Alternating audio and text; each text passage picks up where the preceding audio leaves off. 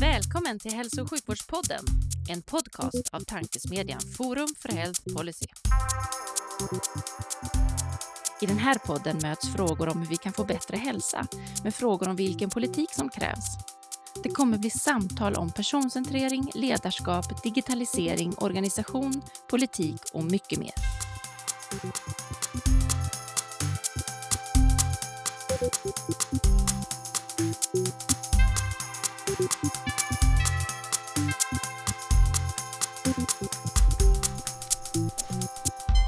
Hej och välkomna till Hälso och sjukvårdspodden, en podcast från tankesmedjan Forum för Health Policy.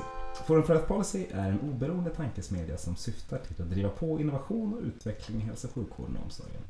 Jag heter Magnus Wejelöw och arbetar till vardags för Läkemedelsindustriföreningen men är även styrelseledamot i Forum för Health Policy. Och till min glädje och som vanligt sitter Livia vid min sida. Det är din tur att säga hej nu. Ja, och jag heter fortfarande Livia, jobbar till vardags på Kry, men är också jag styrelseledamot i Forum för Health Policy.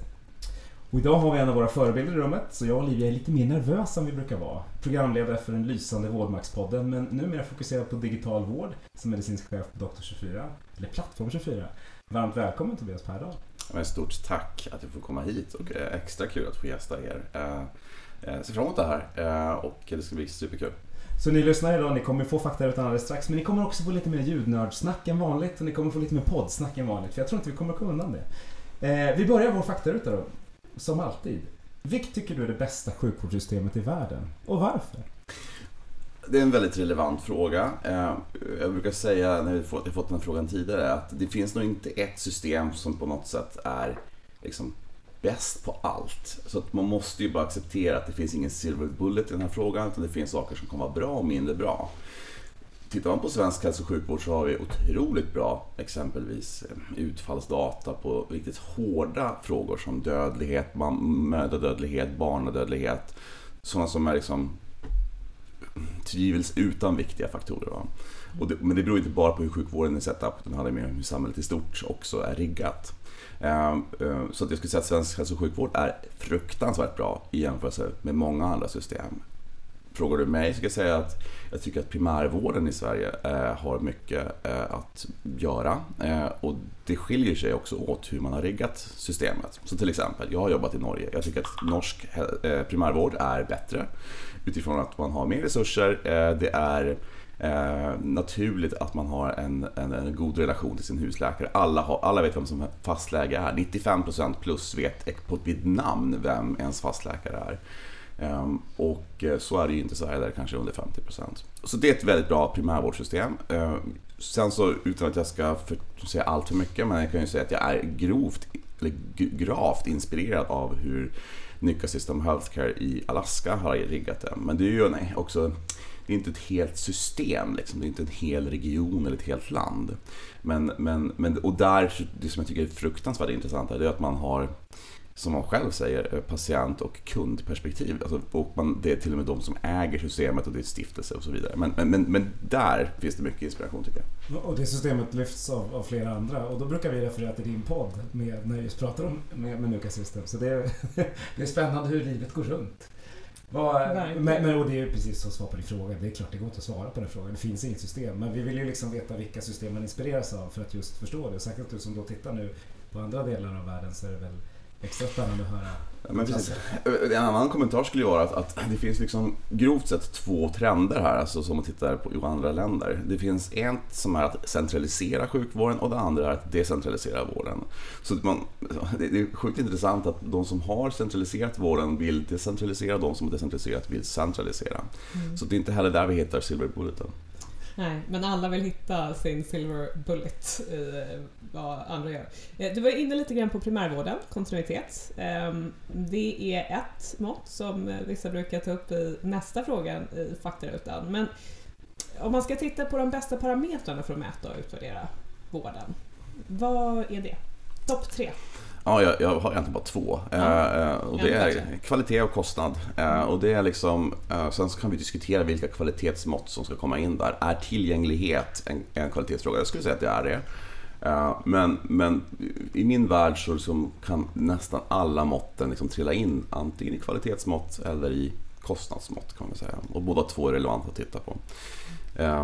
Så att um, anekdotiskt kan jag berätta då som, bara, som något som väldigt få där ute som inte jobbar med sjukvården fattar. Men det är ju att vi har otroligt dålig koll på vad kostnaderna ligger i sjukvården. Alltså så här, hur man allokerar kostnader till patienter, det går inte att få fram. Liksom. Man är på extremt hög liksom, nivå när man pratar kostnader. Och då blir det svårt att följa och förstå. Ehm, helt enkelt. Vilka är dina tre favoritkvalitetsmått då, om du får välja tre där? Den heliga trion. Oj, ja, nej men jag tror att um, Det skulle vara inom liksom då klustret någon form av tillgänglighetsmått, absolut. Eh, sen så skulle det vara någon tydlig eh, outcomes-mått i termer av liksom dödlighet och eller liksom ehm, eh, morbiditet exempelvis. Eh, sen så vore det, tror jag, väldigt bra kulturellt om vi fick till mer mått på skador som vi ut, orsakar också. Eh, både direkt och indirekt och, och, och är mer transparenta med den typen av data. Mm. Därför att då skulle vi också reflektera mer över vad vi gör om vi fick in den typen av mått. Men de andra två, uh, overriden och tjänsten. ja men bra, transparens är ett bra ord.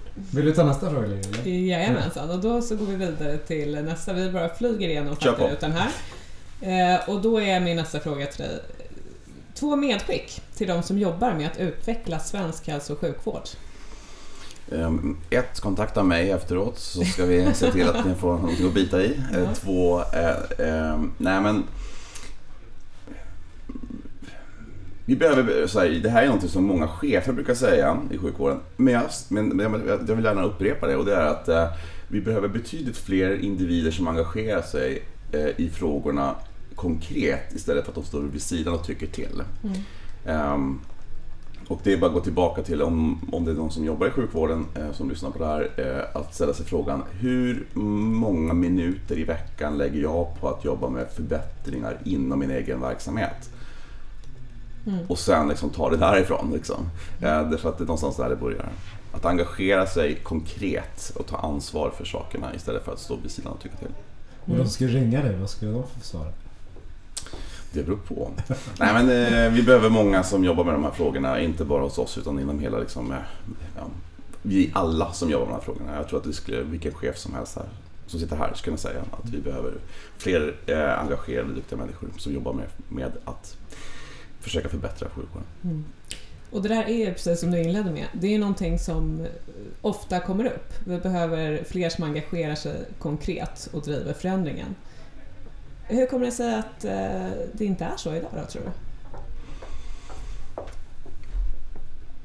Det är en bra fråga eh, och det är tyvärr inget enkelt svar som vanligt idag. Men, men lite grovt sett så tror jag att det handlar om att um, man eh, i brist på annat ord indoktrineras in i en kultur i sjukvården där man är inte per se med och ta ansvar mer än för den kliniska verksamheten.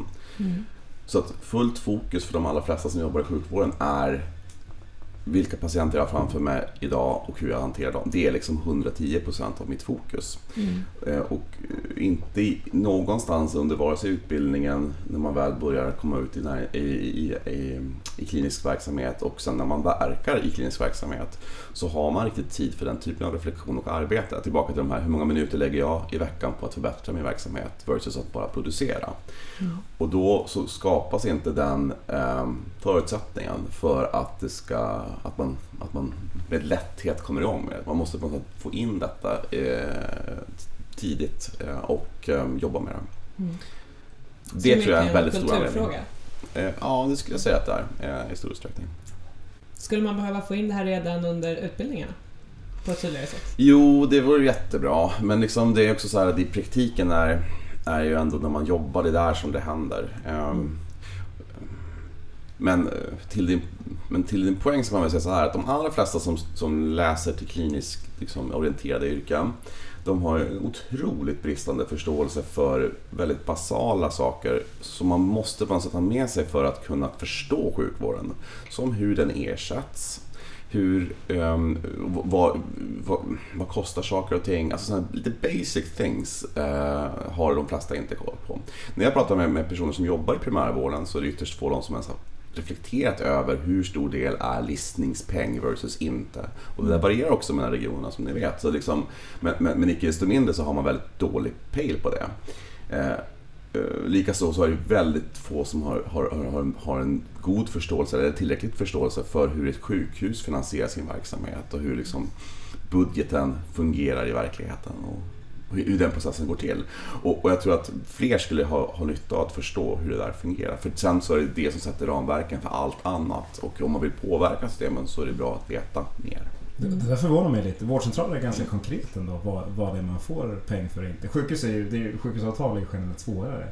Jo, men, men, men det är lite så här, eh, de allra flesta kan nog grovt sett förklara, vi får listningspeng och den pengen äh, täcker eh, den största delen. Liksom. Det, och sen så betalar man en, en en egen avgift upp till en viss nivå. Det där kan alla va. Men hur mycket är respektive del? Och hur mycket kostar Agda versus Ida versus uh, Olle två år? Alltså så här, den typen av, då blir det plötsligt lite svårare. För det varierar också i varje region. Men, men icke desto mindre så är det viktigt att förstå de här sakerna och hur det påverkar um, och, och, vad som blir viktigt. En annan reflektion är um, att, att de, de allra flesta um, eller inte alla, många inom primärvården till exempel, de vill ju inte väck, de vill ha listningstak och liksom begränsa sin, sin storlek på, eh, på lista. Eh, och det finns ju många förklaringar till det, men det finns ju en annan perspektiv på det och det är så här, varför inte då växa sin verksamhet? Varför inte då expandera sin verksamhet? Eh, och se det som en möjlighet istället för att det är en utmaning. Mm. Men, men ja. Vi, vi håller med. Vi gick igång på den här frågan eh, eftersom det finns så mycket spännande att ta. Men vi kanske ska avsluta vår faktaruta, Livia. Vad säger du? Vill, vi, du, vill, vill du vi tar följdfrågorna senare. Ja. Jajamensan. Eh, och då kör vi sista frågan här då. då. Eh, berätta om din finaste patientanekdot. Det finns ju väldigt många då om man, om man tänker tillbaka. Eh, men men här, direkt så kommer jag att tänka på en nej, men en väldigt eh, eh, känslomässigt svår och liksom, men ändå fin eh, upplevelse. Jag, jag jobbade ju under många år inom akutsjukvården på Karolinska eh, universitetssjukhus där vi också hade akutvårdsavdelningar och en IMA. Och IMA står för intermediärvårdsavdelning som är ungefär som en intensivvårdsavdelning fast vi lägger dem inte i respiratorer. Och det här är en, en avdelning som tar hand om väldigt, väldigt svårt sjuka människor. Eh, och jag hade hand Eh, om den avdelningen under en veckas tid och då så hade jag hand om en i princip jämnårig kvinna med två små barn som var i livets slutskede i en cancersjukdom och hon var hos oss därför att hon var så pass svårt sjuk att det gick inte riktigt att hantera hennes grundläggande besvär och eller liksom smärtstillning och ångest och så vidare på en vanlig avdelning. Hon behövde mycket mer medicinsk hjälp och därför låg hon hos oss. Och det var ju en väldigt hjärtslitande historia så tillvida att det var ju två små barn och en make som var i sorg eh, och de visste att det här skulle inte gå vägen.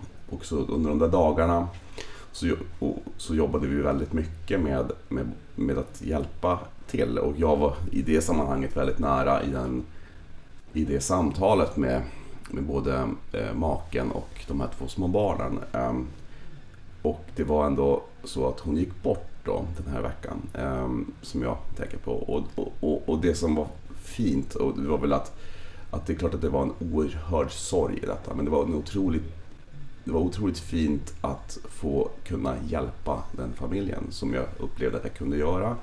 Även om jag inte på något sätt kan, kan liksom lindra sorgen över att förlora ens mamma. Mm. Men att få vara med i det sammanhanget och göra mitt allra bästa, det var, det var väldigt fint. Eh, det var en av, en av de grejerna som jag tänker på. För mm. Jag fick en väldigt bra relation med både patienten, pappan och barnen. Mm. Ehm, så de tänker jag ofta på fortfarande. Du skulle kunna ta på stämningen inne i rummet. Man blir alltid berörd när det handlar om, om, om död men också barn. Och nu är det ju en kombination av de två. Mm. Ehm, det är alltid svårt. Eh, och fint. Det är det som är precis det du säger. Det är ju liksom, det är de tunga stunderna det kan finnas fina moment också. Eh, vi ska försöka ta mig därifrån på, på en snygg brygga till dig. Eh, och det har inte med död att göra då, men eh, vi har kommit 15 minuter in i podden och då brukar vi komma på att men vi kanske ska introducera vår gäst också. Eh, Tobias, vem är du? Och vad, vad gör du idag? Bra fråga. Nej, men så eh, jag är eh, pappa till två barn. Eh, eh, Rätt ordning. ja, eh, lyckligt gift, bor i Berlin idag och hjälper till med att expandera ett företag som jag varit med och grundat som är med Doktor24 och Plattform24. Där Doktor24 är en digital vårdgivare, eller en digifysisk vårdgivare numera. Och Plattform24 är den tekniken som vi byggde för Doktor24. Eh, eh, den tekniska plattformen Plattform24 eh, mm, är separerat från, från vårdgivaren så att vi, vi egentligen levererar den tekniken till regioner, försäkringsbolag, vårdgivare i Norden och numera i Europa. Så där är jag vice VD och högsta medicinsk chef. Sen så har jag andra hattar på mig också. Jag äm, sitter i, ett, ehm, eh, i styrelsen för ett bolag som heter Adult Media som investerar i eh, framförallt health tech-bolag och har en del andra verksamheter. Och så är jag engagerad i en eh, up and coming agil eh, eh, tandläkarkedja som heter My Dentist som ehm, eh, har en väldigt rolig framtid framför sig också. Mm, spännande. Hur hamnar man där? Om man vill, om man vill vara in, är involverad i en agil tandläkarkedja, vad gör man då för att komma dit? Men- Frågan är egentligen, vad har du gjort? Vad har är- du gjort? Hur såg din Ja, just det. Precis. Nej, men det är väl, så att jag är då i botten eh, specialistläkare i internmedicin. Eh, är nästan akutvårdssjuk, eh, akutsjukvårdsspecialist också, men jag har väl någon randen kvar innan jag kan ta ut den. Jag vet inte om jag någonsin kommer att göra det. Men, Vi, vi tror på dig. Ja, jag tror, jag tror att, eh, att eh, den tiden kanske är förbi. Men, men, men vi får väl se. Så jag, jag har jobbat kliniskt. Jag har lagt eh, många år tidigare liv med att vara involverad i framförallt svårt sjuka patienter, akut sjuka patienter. Och ehm, eh, jag var också chef under ett antal år för ehm, eh, en del av den verksamheten på Karolinska som jobbade med just akutsjukvården. Ehm, ehm, och så dessförinnan så har jag jobbat lite grann i näringslivet som konsult och eh, före det så har jag eh, också startat ett IT-bolag back in the day när jag var läkarstudent som jobbade med rekrytering av läkare som heter Läkarportalen. Ehm, min fru fick faktiskt eh, ett antal av sina, eh, bland annat sin ST-tjänst via den sajten bland annat faktiskt. Så att, eh, någonting blev ju bra av det. Nej då, men det var, det, var, det, det var en rolig resa och jag lärde mig väldigt mycket. Och det är inte helt eh, faktiskt så att, att det är helt okopplat från det jag gör idag. För det var första gången som jag på riktigt eh, behövde engagera mig i att förstå hur man, hur man bygger teknik då, eller tekniska plattformar. Och då jag jobbar med backend och frontend-utvecklare och så. Jag är inte själv kodare. Jag är lite jag är intresserad av hela det här området, men jag är inte kodare. Ehm, sen så ehm, med tiden nu och när vi startade vårt bolag så eh, har jag behövt vara lite, ganska nära just kodning av medicinsk logik. Men det är en annan typ av kodning kan man säga. Det är inte en klassisk liksom, eh, front-end, back-end utvecklarperspektiv utan det är mer väldigt kopplat till medicinsk logik och hur det ska hanteras i en chatbot till exempel. Men, men det gör jag inte längre. Vad var det som gjorde att, eh, för då, du har ändå lite bakgrund eh, och jag fick lära mig någonting nytt om dig idag, att du har startat den här eh, portalen tidigare, kände jag inte till. Men du har ju lite bakgrund då inom liksom, näringslivet och så vidare. Men vad var det som gjorde att du drog igång Doktor 24? Hur, hur liksom föll det sig? Det var ändå rätt tidigt i den här digitala utvecklingen i Sverige. Ja, nej men det är väl en bra fråga. Jag tror det var, det var, det var flera saker i ett som hände. Eh, det första var att jag var på en, jag var pappaledig och startade podden Vårdmaktpodden. Ehm, I samband med det så funderade jag ganska mycket på att starta ett bolag som höll på med någonting annat. Eh, alltså ett, ett nytt, ett, eh, som, som skulle hantera remisshanteringen på ett bättre, klokare, smartare sätt i, i Sverige. Eh, och när, när jag tittade på det eh, med en, en väldigt god vän till mig, Anna Haupt, som för övrigt startade Hövding, den här uppblåsbara hjälmen, eh, så eh, fick hon jobb på Nevs och blev liksom designer, huvuddesigner på Nevs, den här elbilsfabriken.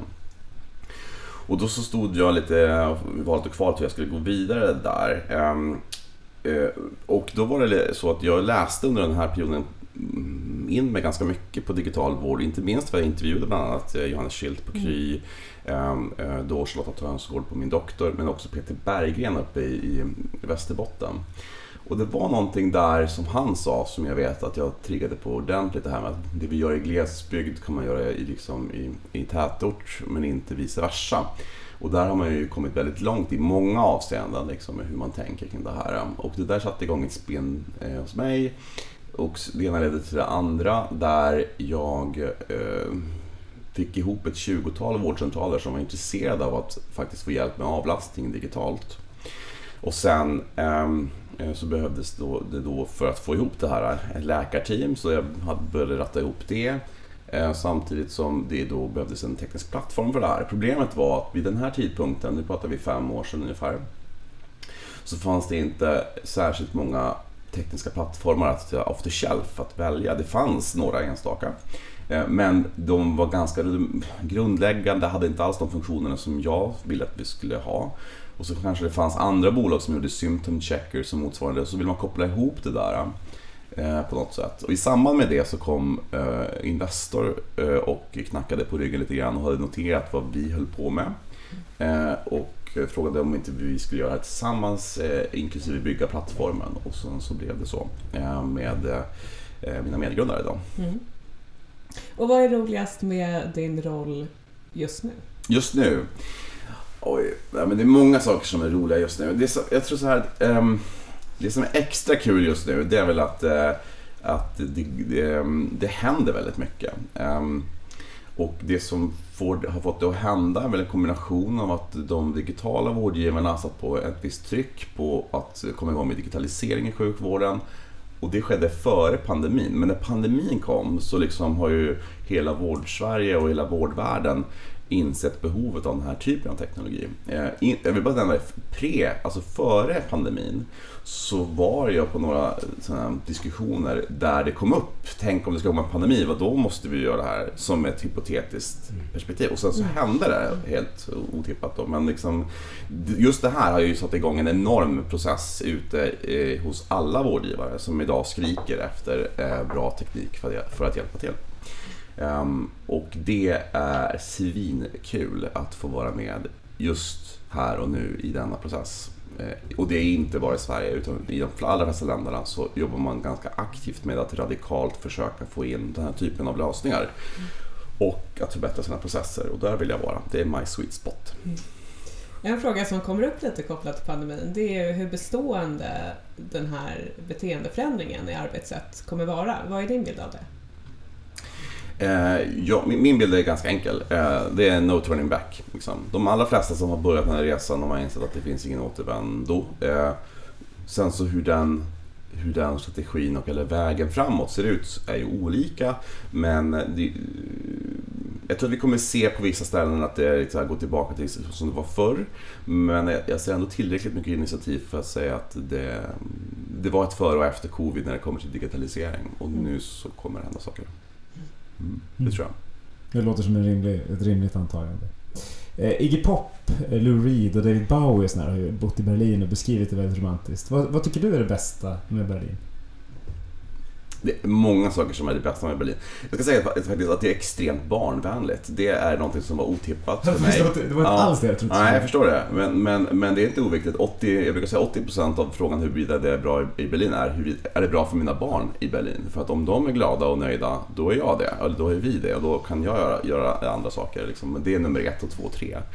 Och det är faktiskt otroligt barnvänligt. Eh, betydligt mer barnvänligt än, säg Stockholm till exempel. Eh, betydligt fler lekplatser, vackra lekplatser, roliga lekplatser. Och ehm, det är överlag väldigt barn, liksom, gjort för att barn ska också kunna trivas i den här stora staden. Så det är en otippad liksom, svar. Men sen så jag kan ju säga, okej okay, jag tycker det är supernice och kul att det är, eh, det är som att vara i 20 olika städer samtidigt. För att varje område har sin egen karaktär. Jag älskar jag tycker det är skitfint med graffiti. Sorry, men liksom, jag tycker att det är nice. Liksom. Jag förstår att man inte jag vill ha graffiti. Jag hålla med faktiskt. Jag, ja, alltså, jag, jag, tycker det, det, finns en dimension av det som är, som är, som är ja, så länge det inte görs på liksom bilar och byggnader som man kanske inte vill men när det finns platser avsatta för det så är det jättefint. Eh, eller kan vara fint. Eh, och sen så tycker jag om att det känns ehm, eh, det känns som att vara en riktigt stor stad. Det är, väl, det är väldigt multikulturellt på ett, på ett positivt sätt eh, som jag verkligen uppskattar. Kul, ja, så länge vi skiljer på graffiti och klotter så är jag all in på det du säger. Eh, sjukvården då? Hur, nu jobbar du i, liksom, i, i hur, är, hur är det kontra att jobba i, i en svensk kontext? Vad ser du för liksom, positiva saker och, och kanske negativa saker? Okej, så då vi börjar på liksom... eh, Det var en bred fråga. Ja, men den positiva, positiva sidan att i Tyskland så har man ju liksom där är tillgänglighet uppenbarligen viktigt och det har man fokuserat på sedan länge och riggat sitt system för. På gott och ont. Gott så tillvida att det, du får alltid kontakt med din husläkare eller din läkare ganska snabbt. Liksom. Sen så har de väntetider till specialistvården i den publika vården eller den offentliga vården också som i Sverige, men inte kanske riktigt lika illa. De har också otroligt mycket sjukvårdssängar, eh, så att de har ju en ratio som är, skulle vara en dröm för många i Sverige.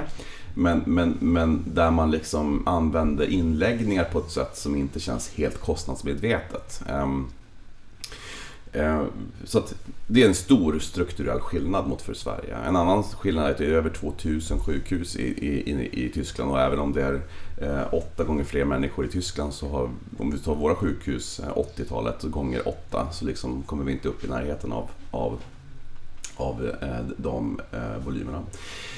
Ehm, nej men och sen så, um, sen så ligger ju eh, ja, Tyskland och många av de europeiska länderna ligger ju efter fundamentalt Sverige och Norden i, i så basal infrastruktur. Och då pratar jag också om IT-infrastruktur.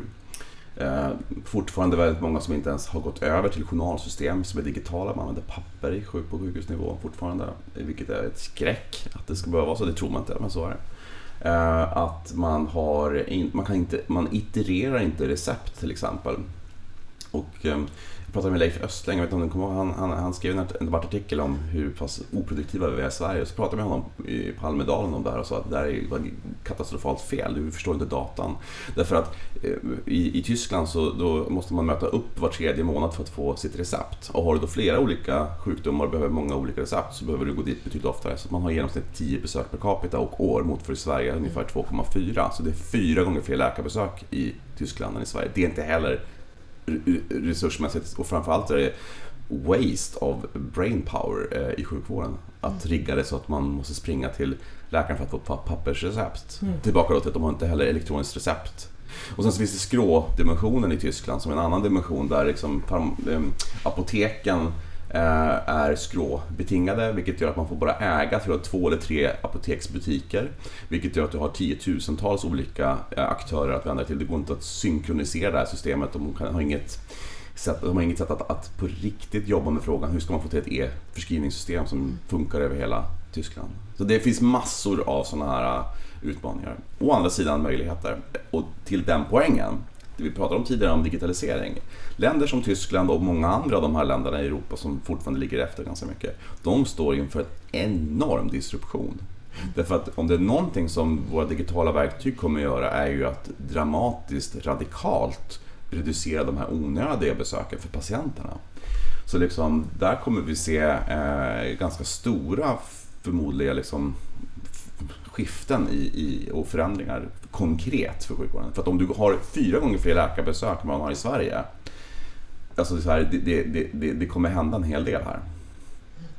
Hur, är trenderna? För vårt, du pratar mycket om sjukhussängar, eller mycket. Du nämnde att det var väldigt många sjukhussängar Ja. framförallt. Och vi har ju ganska mycket färre och så har vi en trend som går mer mot, mot nära vård Eh, och kanske digital vård. Liksom hur, att vi ska bort från de här sjukhussängarna. Hur, hur är trenden i Tyskland? Och, Ja men det är, vad, det är väl vad de vill också.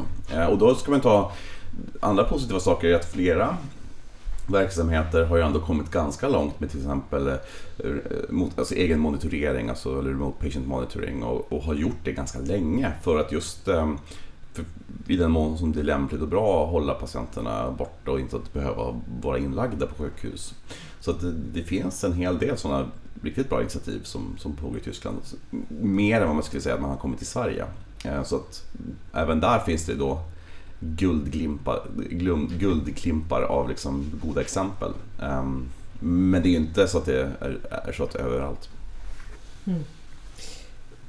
Du nämnde det, Tyskland, där man är, liksom på vissa eh, ställen använder man fortfarande pappersjournaler, det finns ingen infrastruktur riktigt för att få fart på den här digitaliseringen. Nu har ju ni verksamhet i flera europeiska länder. Eh, hur ser du på Sveriges eh, så att säga, innovationsupptagningsförmåga jämfört med andra europeiska länder? Och Eh, vilka lärdomar kan vi dra från andra och vice versa? Vad är era erfarenheter hittills? Nej, men jag tror att det är lite grann tillbaka till det som jag sa tidigare, att i många av de andra ländernas system så har man fortfarande ganska lågt hängande frukter att ta hem. Sånt som vi faktiskt i Sverige har tagit hem. Som till exempel e-förskrivning. Det har vi ju haft i 20 år eller mer. Liksom. Ehm, eh, och det är fortfarande inte på plats i många av de här länderna. Det kommer i sig få enorma konsekvenser, precis som det var för oss när vi gick från att inte ha det till att ha det Eh, i positiv bemärkelse. Eh, och sen så liksom... Ehm, eh, men med, alltså, men då ska jag säga, med det sagt så är det också så att i den här digitaliseringsprocessen nu där man börjar ta patienter digitalt så är det också betydligt lättare att digitalisera en receptförskrivning om du har väldigt mycket receptförskrivningar eh, versus om du inte har det. Så till exempel i Sverige så kanske man inte har det på samma sätt i den utsträckningen då som man har i de här länderna. Så där blir det ju betydligt större volymer som kan hanteras helt plötsligt digitalt från att tidigare haft en hel manuell process. Så det är väl en generell skillnad. Eh, vi har gjort en hel del redan i Sverige och vi har det redan på plats versus de andra. Men kanske är det så att eh, andra europeiska länder på grund av de här sakerna kan gå om i volym hur man hanterar eh, patienter, vilket vore jättebra. Mm. Väldigt mycket eh, i den här digitala utvecklingen hittills har ju varit fokuserat, inte minst i Sverige, på eh, konsultationer, alltså att digitalisera möten. Och det känns ju verkligen efter pandemin som att det är check på den. Det, nu är det många som jobbar så, inte bara i Sverige utan även internationellt. Men för er som plattformsleverantör, vad är liksom de kommande stora funktionerna som kommer förändra driften ja, Det vill du veta va? Det vill ni veta ja, man får ja. spana lite. Ja, ja, jag förstår det. Nej men, eh, oj, bra, bra fråga. Eh, så här, i, i, eh, om vi börjar med liksom, eh, konceptet så kan vi gå in på det sen om ni vill. Men så, att, att använda chattbottar mer för att automatisera olika former av informationsinhämtning, det, eh, det kommer att användas väldigt mycket mer i framtiden än vad det görs idag. Eh, och det kan användas både för digitala besök och för vanliga eh, fysiska besök, inför dem, mellan dem, efter dem och så vidare.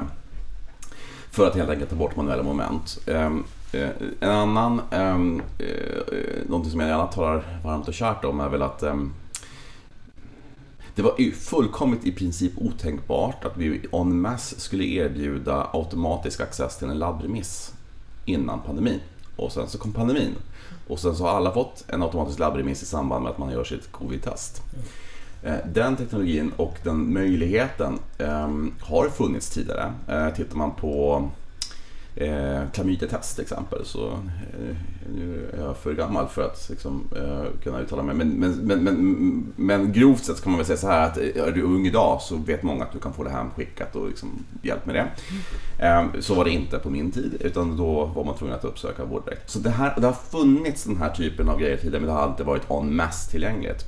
Men om vi då tittar på de här covid-testerna som vi har strösslat ut miljarder kronor på att göra lite till höger och vänster.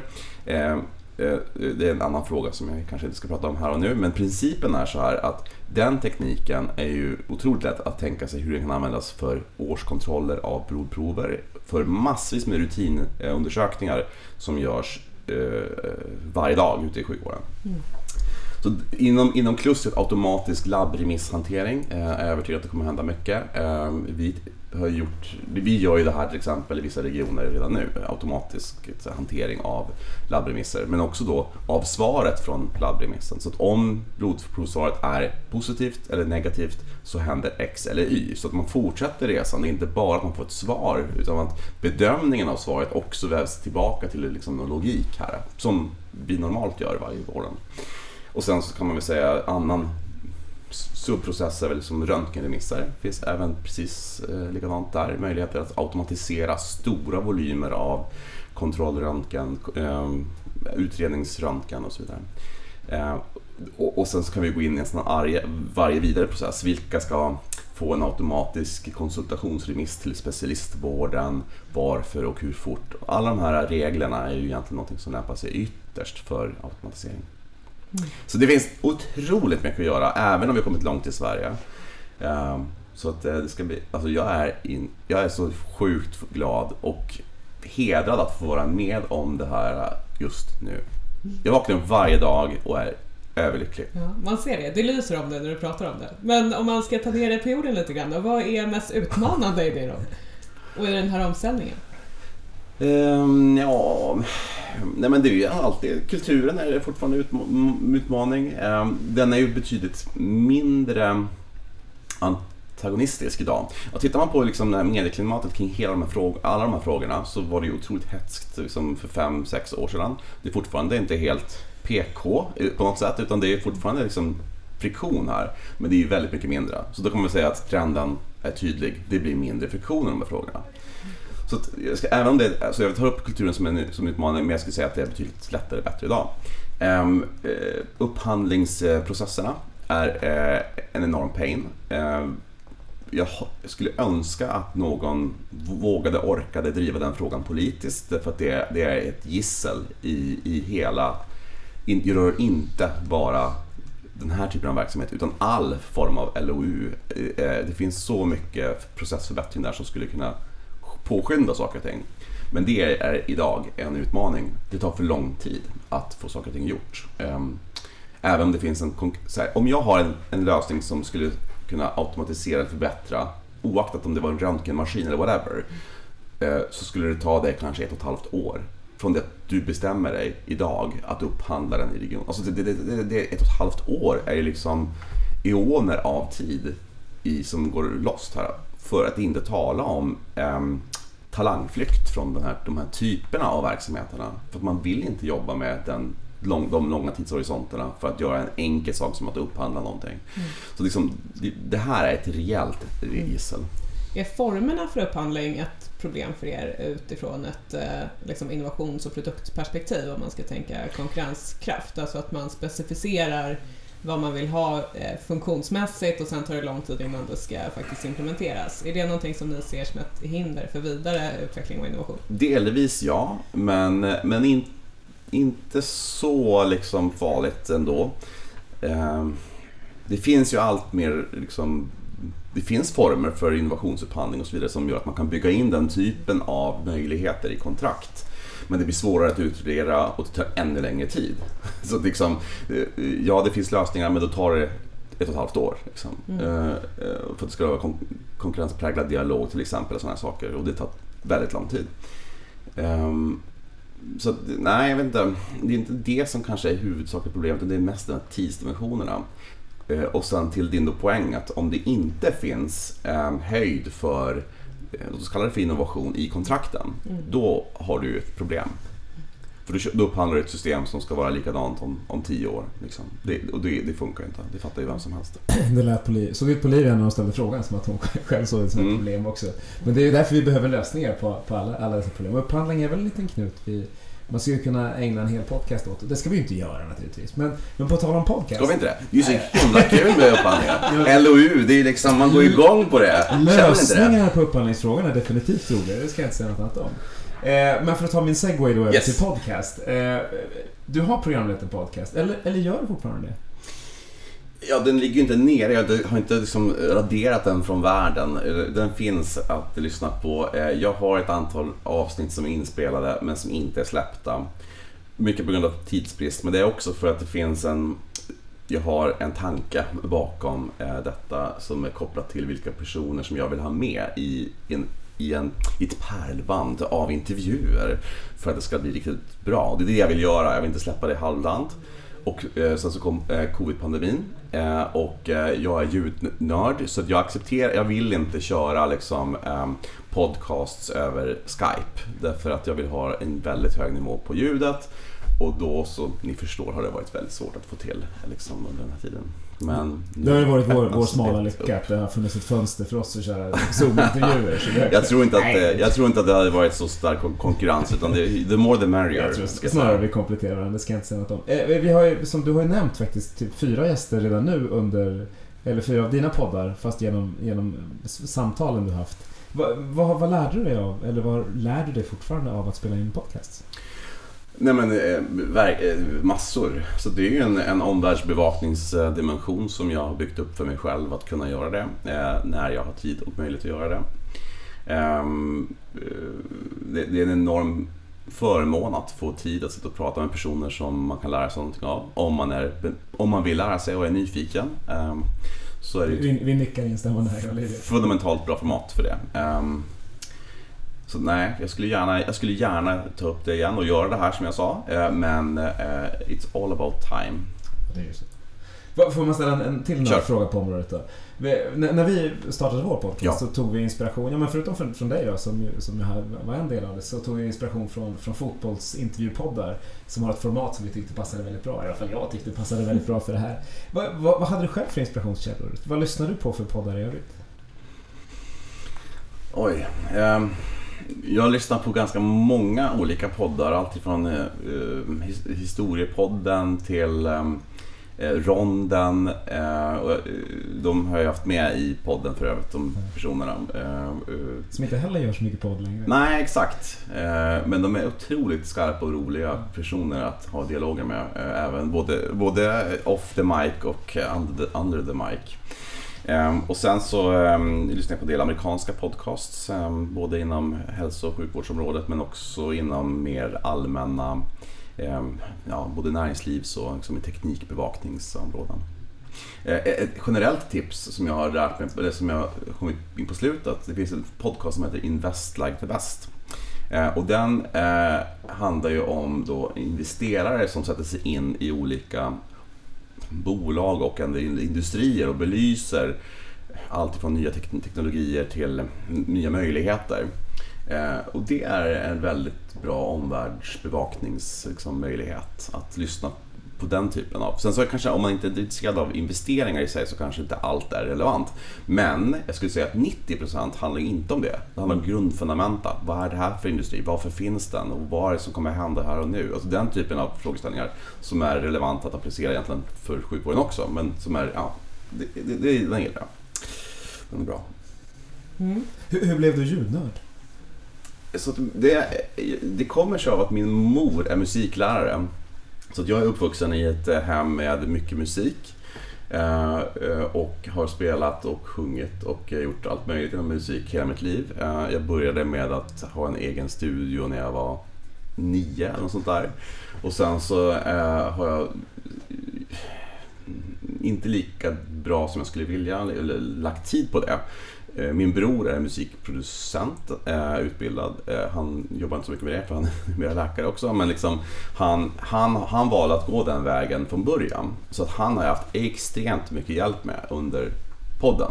Så att han har hjälpt mig att ratta och rigga så att ljudet ska bli så bra som vi båda vill. Nej, men så, så, så, så, så därav, liksom, jag har det i familjen. Att jobba med ljud och musik. Så är det. Spännande och vilken eh, lyx. Själv kommer jag från ett, eh, en läkarfamilj med låg kreativ höjd. Ehm, Det var hårt. ja, men man är, de är duktiga på andra saker. Eller vi är duktiga på andra saker i vår familj, men musik är inte en av dem. Eh, om vi går tillbaka lite grann då till, till eh, vårdsfären. Eh, vi Ska, vi inte- ska vi pratade, inte stanna i podcast hela tiden? Nej, nej, nej, kör Olivia. ja, men vi pratade ju lite grann i inledningen här med vad man ska mäta för att eh, Mm. eh, få till en bra vård och, och veta att vi levererar och så vidare. Men, men eh, i, i liksom fokus är ju ändå patienterna. Hur eh, kan vi arbeta för att skapa en mer patientcentrerad vård och vilken roll spelar digitaliseringen i det? Ja, Eh, då passar jag på att referera till Sara Riggare som är en av mina favoritpersoner eh, eh, i, i, i patientperspektiv. Ehm, och som person också. Men, liksom, men, men hon, hon lär mig konstant liksom, perspektiv som, som jag får ödmjukt liksom, erkänna att att jag, jag är, har inte det bästa. Det där behöver jag lära mig hela tiden. Inte minst för att jag har sjukvårdsglasögonen på mig. Men det, är väl, det handlar egentligen, i grund och botten så handlar det Eh, nog mycket om att ta just det patientperspektivet eh, i frågorna och att bara och sätta sig i patientens skor och fundera på okay, vad är viktigt för mig här och nu. Det är vi nog ganska dåliga på eh, att faktiskt göra i sjukvården. Och ehm, när det kommer till digitalisering så tror, jag, så tror jag att det handlar ganska mycket om att, Ehm, att engagera patienter eh, mer i, i utvecklingen av de här tjänsterna.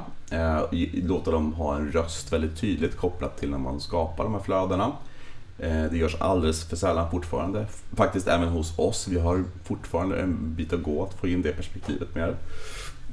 Men det kommer sig också av det fundamentala faktum att sjukvården är som en triad av stakeholders. I princip i varje system så är det en triad och triaden är patient, vårdgivare, betalare. Eh, och alla de här tre är viktiga för att få till det här bra. Eh, eh, och de har också en delvis motsägelsefulla, liksom, eller motsträviga eh, mål att mäta. Men för att få armkrok med patienter, för det är ändå till syvende och sist de som i allt större utsträckning kommer välja var de går, hur de utövar. Det är de som bestämmer om sin egen hälsa i väldigt stor utsträckning. Eh, så går jag tillbaka till det. Vi behöver fler patienter som är och har en tydlig röst i eh, framtagandet av de här tjänsterna. Hur gör vi det bättre då? Um, då uh, säger jag så här att um, om man vill ha individer som är duktiga på att ge patientperspektiv så skulle jag vända mig till Sara Riggare. Och sen så har hon ett nätverk med massa duktiga personer som eh, hon kan aktivera eller på något sätt sätta koppla, koppla samman med. Det finns väldigt många duktiga på det här. Men även hon är ju supertydlig och eh, smart och mm, ja, ärlig med att det är inte så att man kan ta en random kanske person. Det, det, det, det, är inte så, om man ska få ett väldigt konkret bra liksom, patientperspektivs eh, arbete så handlar det mycket om att hitta rätt person också. Alltså, så det är inte bara en patient, vem som helst, utan någon som har patientperspektivet och som kan bidra till det som just den här frågan handlar om. Och där är det inte lika det, är inte, det är inte jättelätt att hitta dem på samma sätt som man kanske tror och tänker. Så därför går till Sara Riggare och eh, det, det gänget där så får man bra eh, tips. Mycket bra tips, rekommendation. Och det är samtidigt en, jag menar, det är en knäckfråga som vi ju alla brottas med på något sätt från olika perspektiv i hälso och sjukvården, hur vi ska få mer patientinflytande. Och svaret kan ju inte vara att vi går till en person. Så det är ju liksom, och det, det sa du inte heller, men det är ju liksom, det är problematiskt när, vi, när det är så pass få personer som, som ändå liksom har den kunskapen.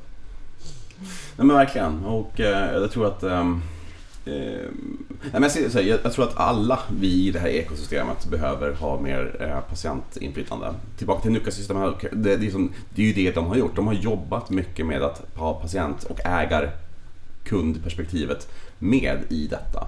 Observera att det är samma person här, patient, mm. ägare, kund. Alltså det, det, är samma, det är inte olika. Utan, eh, och att de eh, finns representerade i, på styrelsenivå, i olika förbättringsgrupper och så vidare. Eh, där har vi fortfarande en lång väg att gå. Mm. Vi har nog längre väg att gå där än vad vi har inom digitalisering. För den bollen är redan i rullning. Jag ser inte att vi engagerar patienterna helt plötsligt mycket mer eh, nu. Så att, eh, ja, där har vi fortfarande en, en, ganska lång uppförsbacke. För att inte tala om hur det ser ut i de andra länderna. För att vi ska inte glömma bort, det sa vi inte tidigare, kulturellt så har vi vissa utmaningar i Sverige, men det vi inte har på samma sätt är den hierarkiska dimensionen som är den finns, men den är betydligt mindre uttalad i de nordiska länderna, kanske i Sverige i synnerhet. Även i Norge skulle jag säga är det mer hierarkiskt än vad det är i Sverige. Men, men i Tyskland är det katastrof. Jag blir ju mm. titulerad på möten liksom, med herr doktor liksom, och sådana här saker som gör att det per definition byggs in en distans till mig som individ. Mm. Och det här är ju ett, det här är, det är ett gissel, alltså. vi måste komma bort från det. Mm. Om man blickar eh, framåt då? Ja. Svensk hälso och sjukvård fokuserar vi på, men du får gärna ta in perspektiv även från, från andra länder. Eh, hur, hur ser hälso och sjukvården ut om tio år? Ja, och hur skulle du vilja att den ser ut? Det kan ju finnas en, en, liksom, viss diskrepans däremellan. Oj. Ja, men det, det är så här, till att börja med så, så, så jag, brukar, jag håller en, en, ett antal föreläsningar, bland annat en föreläsning som handlar om, om ungefär vad jag tror kommer hända om, om, om ett antal år. Eh, det ena är väl att det är en tidsfråga tror jag innan antalet konsultationer, digitalt, digifysiskt kan vi kalla det för då, eh, är vanligare än det fysiska besöket. Det, den tidpunkten kommer att inträffa. Frågan är när. Är det om tre eller fem år eller sju? Alltså, alltså när sker det? Jag tror inte, inte om tre, men kanske inte om sju. Alltså jag vet inte, någonstans där kommer det nog ske eh, en ganska stort skifte. Um, jag tror att vi kommer, eller jag vet att vi kommer se allt fler initiativ för att eh, under, um, möjliggöra egen monitorering i hemmet. Um, frågan är hur fort kommer det ta innan det faktiskt liksom, inkluderas tillräckligt många patienter för att göra en stor liksom, skillnad. Um, som tur är så, så vet jag ganska mycket om vilka processer som finns i Sverige kring den här frågan eh, och hur regionerna tänker. Och det finns ganska mastiga liksom, initiativ som springer på den här frågan. Så att även där kommer vi nog se eh, en, ett större skifte. Men samtidigt ska vi inte glömma bort att vi står inför en, en enorm utmaning i svensk hälso och sjukvård kopplat till att om tio år då saknar vi en otrolig mängd individer i sjukvården som det ser ut idag. Alltså sjuksköterskor, undersköterskor och läkare. Um, och, uh, och det kommer nog i sig uh, ha större konsekvenser än de andra sakerna som jag inte riktigt vet hur vi ska tackla. Uh, alltså, det jag pratar om nu, det kan lösa en del av det här. Jag vet inte om det kommer kunna lösa alla de konsekvenserna det får. Därför att om du åker idag norr om Sundsvall så har du 50% primärläkarvakanser. Och då tänker man det är bara i Norrland som jag kommer ifrån som det är så. Nej det är det inte. Åk till Norrtälje, åk till Södertälje. Mm. Det är ungefär 50% läkarvakanser där också. Så det här är, det här är ett enorm utmaning för oss. Eh, eh, som till stor del kan underlättas med hjälp av de här lösningarna som vi pratar om nu. Eh, och använda resurser som finns på andra ställen på ett annat sätt. Men det kommer inte ta bort behovet av personer även ute i landet. Och där vet jag inte riktigt vad svaret är. Vilken tror du är Sveriges största vårdgivare 2040? Um, ehm, Känns extra spännande fråga. 40? Nej. nej men det är ganska lätt ska jag säga. Um, VGR. Mm. Hur var det lätt? jo men alltså jag, jag tror inte att vi kommer se är någon privat vårdgivare till exempel, om ni tänker på din fråga. Nej, nej, men du som... tog den näst största regionen. Det var därför jag blev så nyfiken på vad det Ja, nej, men äh, jag tror att VGR äh, till antalet anställda och eller så, ja, det är mitt svar. Okej, okay, ja, bra. Klockrent svar. Vi, vi gräver inte mer i det va? Absolut inte. Eh, om vi fortsätter blicka framåt. Jag har hur många frågor som helst som vi skulle vilja ställa till dig, men jag tittar på tiden och vi har redan börjat närma oss en eh, timme, ish. Ja, vi, har, vi har lite kvar för att vi ska nå upp till den härliga drömgränsen. Och då får jag då bara ge lite input här. Ett, nu vet jag att ni inte vill editera saker och så här, att ni vill spara mm. in tid. När jag kör mina poddar så kör jag oftast två timmar och, och eh, editerar ner det till en timme. Ja. Så då får man liksom, då blir mycket av det här snacket mm. emellan som försvinner på gott och ont. Men liksom, vi kan dra över lite grann här så att ni får möjlighet att editera. Nej, jag skojar bara. Precis, vi, har, vi, har, vi har kört mellan eh, 50 minuter och en, ja, en timme och okay. 10 minuter. Ja. Det är lite olika hur det ser ut. Ja, Däremot har våra lyssnare lite olika åsikter om det. Ja, vissa tycker att det är för långt, vissa tycker att det är för kort. Och då har vi sagt att men då är väl det optimala att du hinner springa en mil. Nej, men det är väl bra. Alltså, till din poäng då så kan man säga så att det finns nog säkert behov av sådana här podcast motsvarande men som är mer eh, snuttifierad. Mm. För det finns någon som bara vill ha, lyssna vissa typer av saker. Eh, tänk på eh, Rogan. Eh, han kör tre timmars podcasts och det är en av världens största podcasts. Så att liksom, well. Eh, jag, jag, jag, tror på det längre formatet om du frågar mig. Sveriges mest prisade podcast eh, av Erik Niva eh, delar ju upp sina tre timmars avsnitt i två, så tre plus tre timmar. För att han behöver ha sex timmar för att gå igenom ett fotbollslag. Vilket ju är helt bisarrt. ja, men magiskt på samma sätt. Ja, men super. Då, då är jag ändå spenderad. Vi kan dra över lite på tiden. Då knyter an till det här med kompetensförsörjning och också Eh, du var inne på i inledningen lite grann det här med att eh, de som har ett ganska centraliserat system, de försöker decentralisera och de som har ett decentraliserat system, de försöker centralisera. Mm. Eh, vad är din bild av regionalt respektive nationell styrning i Sverige. Det är en fråga som alltid aktualiseras, inte minst inför val. Vad ser du skulle kunna bli bättre av mer central styrning?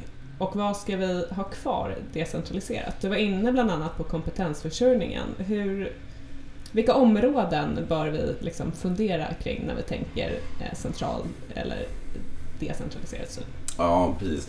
Nej, men alltså, här, jag tror att man, till att börja med när man pratar om decentralisering versus centralisering så behöver man liksom ta sig ner några abstraktionsnivåer för att också identifiera vad man menar med det. Därför att ehm, eh, till exempel, ska man centralisera produktionen i sjukvården eller ska man centralisera beställningen av sjukvård till exempel? Eh, det har ju fundamentalt olika innebörder. Eh, eh, och samtidigt som jag säger det så är, så är jag den första att liksom sträcka upp handen och tillhöra kategorin av individer som, som, som bara erkänner att det är i det mikrosystemet som värde skapas. Det är ju liksom i teamen där ute, var det än är, som de facto är individerna som gör skillnaden. Så, så om man ska titta på två principer så, så tror jag, jag tror att mycket skulle vinnas om man kunde beställa och liksom kravställa sjukvården centralt ifrån. Men utförandet behöver nog vara i stor utsträckning optimerat för eh, mikrosystemen.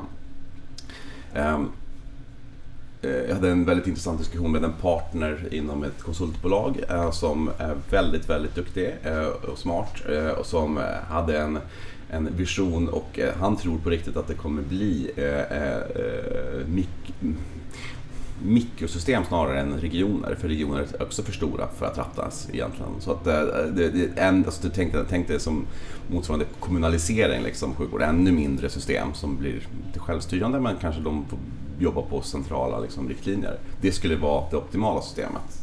Och jag vill nog Lite som Tysklands apoteksdel. Ja, ja, eh, fast skillnaden är ju då att om man, om man spelar eh, och jobbar rätt med beställning och kravställningen så kan det nog funka ganska bra. Mm. Men för att förtydliga då, att ha mer utav eh, så att säga, betalning och beställning centralt mm. men utförande och liksom frihet i det utförandet ja. lokalt. Hyperlokalt snarare än idag. Ja, eller bara lokalt eller team. Liksom så här, tillbaka till vad är lokalt i vilken bemärkelse? Mm. Ja, det finns en fysisk dimension men jag tror absolut att det skulle kunna finnas system jag vet att det finns system som, som fungerar alldeles utmärkt oaktat geografi. Eh, va? Eh, det vill säga att det kan ju vara en vårdgivare som har sitt HQ någonstans eh, i Luleå säger vi, men som, som har verksamheter i Skåne eh, och får det där att funka alldeles utmärkt. Men, men principen är väl till din poäng, eh, ja, jag skulle hellre se nationella beställnings och krav och eller kvalitets liksom, ramverken som går ut och sen så får väl vi i vårt lilla svan i Sverige bara styra upp det då på mikronivå. Det tycker jag är väldigt rimligt. Vi ska inte glömma bort att det finns ganska mycket pengar att hämta hem i hela OH, alltså på overhead-sidan i varje region. Jag, vet, att SLL, jag tror SLL IT har 700 anställda. Um, så liksom, det, det, här, det, finns väldigt mycket att göra här um, och, och, och, om man vågade sig gå den vägen. Sen ska jag vara ärlig och säga att jag tror inte som vissa har sagt och trott att det där kommer ske fort. Att vi kommer få till en, en, en sån lösning. Vi pratar om... Ja, vi hade faktiskt, jag faktiskt en vadslagning om det här. Eh, det kan vara intressant att veta att det finns en vadslagning bland vissa personer om när den här centraliseringsgrejen liksom, kommer behöva hända. Och då finns det makrofrågor som, som kanske spelar. När sker den här thresholden för när det gör för ont där ute att vissa regioner går i putten, de går i konkurs då kommer det behöva hända någonting. Och vi är inte jättelångt ifrån att se att det håller på att hända. Så liksom, eh, vad händer när region X inte längre har pengar? Ja, ska vi, då ska det gå ut lån från staten. Alltså, det, det, här kommer att hända. Så frågan är bara, var händer det och när händer det? Och vill man ge sig in i vadslagningen då kontaktar man dig. Ja, vi kanske borde göra någonting av det här. ja. Mm. Precis. Spel och dobbel har både för och nackdelar. Eh, jag tänkte... Det är mer en heder, inga pengar innan. Eller hur? Eh, kunskapsstyrningen då är ju ett sånt initiativ som touchar på, på det du pratar om. Det, vad tror du om, om det som tanke och, och hur är det utfört? Eh, nej men så här, det är ett otroligt bra initiativ. Eh, heders, hedervärt. Och, Och det passade väldigt bra med det du precis beskrev. Ja, nej, men, och det, det, det, det behövs exakt det. Alltså, så att initiativet, tänket bakom är fullkomligt rätt. Många av de saker som har trillat ut från det här, inte minst eh, standardiserade vårdförlopp för liksom, vissa utredningar, är ju exakt det vi behöver få till i en masse. Liksom. Nu har vi börjat med de svåra cancer grovt sett och sen så behöver vi komma mycket, mycket längre ner i granularitet. Men liksom, det är helt rätt initiativ. Sen så vill jag bara slå ett slag för en faktor här som de allra flesta inte har tänkt på i samband med det här upprättandet av kunskapsdokumenten. Och det är att eh, vi, det kommer från en, en, en, kultur och en tanke om att vi ska utbilda människor och eller att, att använda ett system för att de ska liksom, um, göra det här på ett bra sätt. Ganska passivt. Att man när jag har behovet av det så ska jag gå in och söka efter det. Alltså, och, och, och, det är ju uh, utifrån hur, det, hur dagens system ser ut precis så det är. Att vi, jag som läkare går in i ett system för att ta reda på hur jag ska hantera en patient när jag har patienten framför mig. Och då vill jag bara slå ett slag för att om vi då tror på det som jag sa tidigare, att vi kommer använda chattbottar eller mer liksom automatisk informationsinhämtning och slå i systemen och så här för att patienten ska få rätt vård så att säga i början. Då är vi inne i en process där mycket av den här informationen kommer vara känd innan själva besöket. Och det är i, återigen då, i besöket med patienten som besluten tas. Ehm, jag tar en parallell till det här. Eh, tittar man på antibiotikaförskrivning vid urinvägsinfektion hos en, hos en icke-gravid kvinna, nu tar jag ett väldigt konkret case här som är ganska stora volymer på, eh, så ser vi ju att det är en ganska enkel algoritm för vilket antibiotika som ska användas eh, nationellt enligt Strama. Och så tittar man på hur ser den förskrivningen ut där ute? Katastrofdåligt. Det som, det, vi pratar om kanske 85% följ, 80% följsamhet till rätt antibiotika. Eh, när man jobbar i system som jag tror vi och Kryom och kanske många andra har gjort, där man har ett beslutssystem som är integrerat i själva mötet när du har en patient digitalt.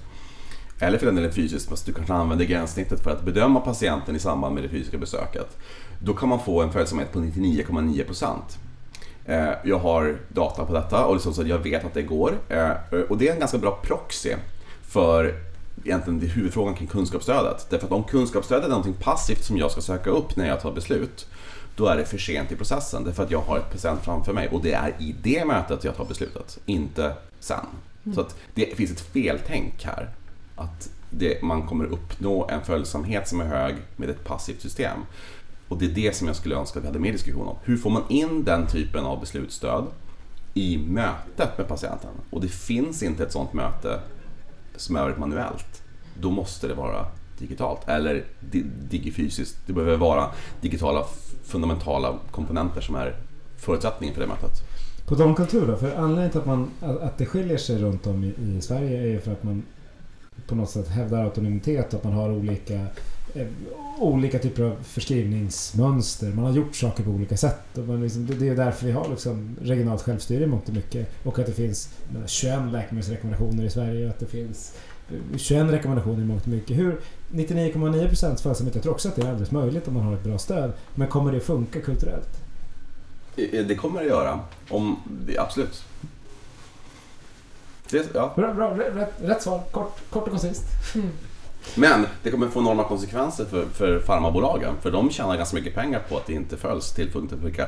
För de som inte är med på kloka listan. Jag tänkte säga, det här, där har vi väldigt mycket ja. med vad, man... För, för, för ja, absolut, men jag vill bara nämna det. Att, att, att, att, att äm, äm, dagens system är ju riggat för att ja, det, det, är bra för vissa aktörer och väldigt dåligt för andra. Håller med. Mm. Det här med eh, omställning, engagemang, eh, transformation, det, det, kräver ju ändå ledarskap. Eh, vad är din syn på ledarskap i vården? Hur ser det ut idag? Vad skulle vi behöva mer av? Vad är ett bra ledarskap i hälso och sjukvården? Väldigt bra fråga. Eh, då börjar jag med att svara på med att eh, först måste man se på sjukvården vilket djur det är och konstatera att det är ett eh, motsvarande prof professional bureaucracy på engelska, det är en organisationsteoretisk term, men principen är att det finns en väldigt tydlig formell struktur eh, för hur saker och ting beslutas och händer. Eh, samtidigt som det finns en, en informell eh, beslutsstruktur som är liksom klinikerna, forskarna och så. Och att den, de är inte i synk eh, oftast. Liksom. Och att man måste förstå hur man, hur man får med sig liksom, den här då indirekta eh, eh, kompetensstrukturen och beslutsstrukturen. Det vill säga att en formell, jag kan vara chef, formell chef, säga att nu gör vi X. Men om jag inte har med mig eh, de duktiga klinikerna och eller liksom professorerna eller vad det nu är som är den andra informella eh, beslutsmässiga eller snarare eh, kraften kan vi säga. Eh, då kommer det aldrig gå. Så att liksom, det, är den här dynamiken som man behöver förstå först. Liksom. Sen så kommer vi till okay, ledarskapet. Då. Um, här så skulle man väl först, jag, skulle, jag är den första att säga att vi behöver ha in fler personer i sjukvården som inte har sjukvårdsbakgrund. Idag skulle vi behöva det. Därför att Eh, de flesta har, som blir chefer eh, i sjukvården kommer från sjukvården själva. De, kom, de, är indoktrinerade i ett system där man inte kanske har varit chef förrän man blir 40. Eh, och chefbanan och ledarskapet, okej, okay, helst så är det ju samma, men det är inte per definition sant. Jag vill bara poängtera ut att, att många som blir chefer blir det för sent i sin karriär. Det är en egen resa, det är, ett eget, det är en egen profession att vara chef. Liksom, att bli duktig chef tar tid. Vilket gör att du, du kanske blir en duktig chef när du blir 50. Lite grovt sett, det finns individer som är fantastiska chefer som blir det sent. Jag vill bara peng, det, här är, det här är ett pain point. Därför tittar man på de som blir duktiga chefer i andra industrier, de börjar den resan tidigare och kommer längre fortare just på grund av det. Eh, så jag, skulle gärna, jag skulle gärna se ännu fler personer som engagerar sig i sjukvården som inte har klassisk sjukvårdsbakgrund idag. Om vi skulle prata om vad vi skulle, hur vi skulle kunna få fler läkare och sjuksköterskor bli chefer eh, så handlar det, jag tror att det vore jättebra också, men att de ska börja tidigt och inte sent. Vi behöver ha in fler individer tidigare i chefsroller än sent. Ehm, med den här då vetskapen om att det är två olika strukturer som man måste managera. Det är inte unikt för, för sjukvården. Det här är ungefär motsvarande diskussion i, i universitetsvärlden och eller till exempel mm, juristbolag. Alltså det finns ett antal andra olika eh, organisationer som påminner om det här. Och då behöver man ha det med sig i bagaget eller förstå det eller hantera det. Mm. Sen så är liksom ledarskapet eller chefskapet kan vi då ta. Det är ju återigen en mycket en personlig resa va? där man behöver reflektera mycket på ens styrkor och svagheter och att man bygger in den typen av strukturer för att, för att, för att göra de självreflektionerna och växa i sin roll. Och där har vi då tillbaka till kulturen lite utmaningar med att vi har inte om jag går ut på en random eh, enhet sjukhus eller eh, vårdcentral och ställer frågan hur mycket tid lägger ni i veckan på att reflektera över vad ni gör rätt? Så är svaret oftast eh, kanske på APT en gång i månaden. Det vi, har, vi har inte byggt upp en struktur. Vi har inte en fundamental kultur eller struktur för att jobba med hur vi jobbar. Mm. Så det här är på något sätt A och O. Vi måste få in den strukturen för att kunna verka bra som chefer också. Och sen så sist men inte minst, ehm, vi ska inte glömma bort att många sjuksköterskor där ute kanske har 40-50 anställda. Det går inte att vara bra chef om man har så många anställda. Mm. Så vi behöver ha fler chefer, inte färre. Eh, och det här, går ju, det här är många kliniker som säger vi behöver inte fler administratörer, mer chefer, vi måste ha fler som jobbar i sjukvården. Ja, eh, jag skulle säga att det kanske också behövs på sina ställen, men, men, men det vi behöver framför allt är chefer som har tid att jobba med anställda och att coacha dem, jobba med dem, eh, känna, så att man känner sig sedd, man får växa professionellt ehm, och ehm, som människa. Det är vad vi vill satsa på. Mm. Det finns ett begrepp som heter span of control inom den privata sektorn som är väldigt mycket mindre än de där 40-50 kan man säga. Ja, Scania har väl ett ratio på 1 på 6. Mm. Hur kan det komma sig att man har det som ratio? Om man har över 6 så ska man över, över, överväga att tillsätta en ny chef snarare än att ha fler anställda. Och i, i, i sjukvården finns inget sånt ratio återigen, jag vet sjuksköterskechefer som har 50 anställda. Lycka till att sätta alltså man först, Om man inte har varit chef, då fattar man inte liksom, den här grejen. Liksom. Men, men principen är, hur ska du kunna kompetensutveckla 50 individer?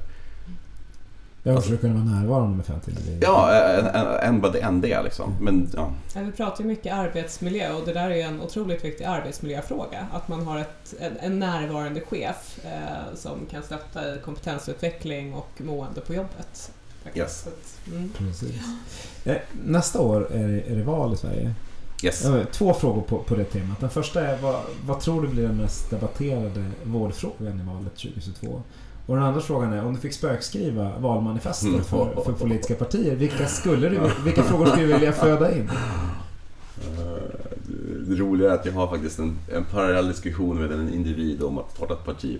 Eh, eh, Men, men, men och val- val- valmanifestet är inte skrivet men grundprinciperna är där. Eh, Och då var ju frågan väldigt lämpad. Ja, precis. Nej men oj. ehm, jag tror att... ehm, så ett år bort så är vi fortfarande någon form av, i, i pandemifas. Vi kommer inte vara helt ur den här pandemin. Det är min bild. Liksom. Ehm, och därför så kommer nog mycket handla om det, liksom, tror jag. Eh, inte för att det kanske är vårt största gissel i, i, i sjukvården i stort, liksom, även, om, men även om det är ett stort problem. Men jag tror det kommer vara mycket frågor om det för att det är populistiskt liksom, och det finns mycket kvar där som är, det kan vara att det är hur hanterades Corona liksom. Så den, här, den här saken och frågan tror jag kan bli stora frågor i, i.